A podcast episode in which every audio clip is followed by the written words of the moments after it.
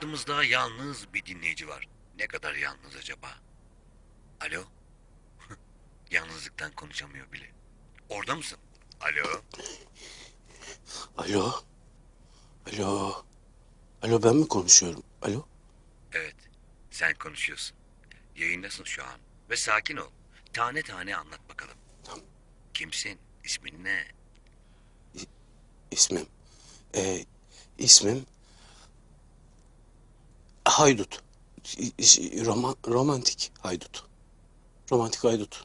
O, ismini vermek istemiyorsun yani. He. Ee, ismimi verirsem o da beni terk eder diye korkuyorum. Oo, çok yoğun bir yalnızlık yaşıyorsun.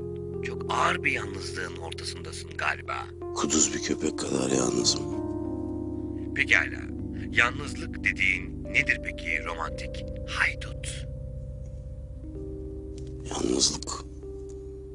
Yalnızlık gece ayazında sabaha kadar beklemek gibidir. Isınmak için güneşin doğmasını beklersin ama o güneş hiçbir zaman doğmaz. Yalnızlık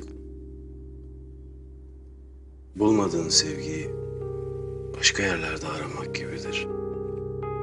Ne yaparsan yap onu bulamayacağını bilirsin ama yine de denemekten vazgeçmezsin. Onun boşluğunu hep başka şeylerle doldurmaya çalışırsın. Yalnızlık aynı havayı soluyup da bir türlü yan yana olamamak gibidir. Aldığın her nefeste onun kokusunu duymak istersin. Ama yapamazsın. Aldığın her nefes ciğerini acıtmaya başlar. Yalnızlık dediğin eski bir sandalyenin gıcırdamasıdır yalnızlık. Of be romantik haydut. Ne yaptın? Yine mi terk edildin yoksa? He, terk edildim. Herkes terk etti gitti beni. Sol kaburgam bile firar etti bedenimden. Aradan geçen zaman bile yetmiyor unutmaya.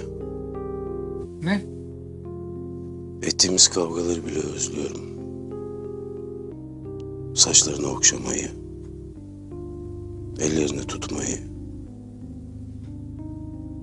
aniden boynuna sarılmayı, bana bakışını,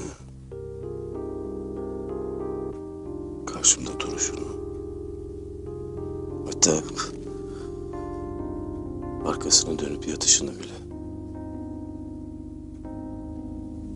Yavaşça sokulmak. Sessizce sarılmak.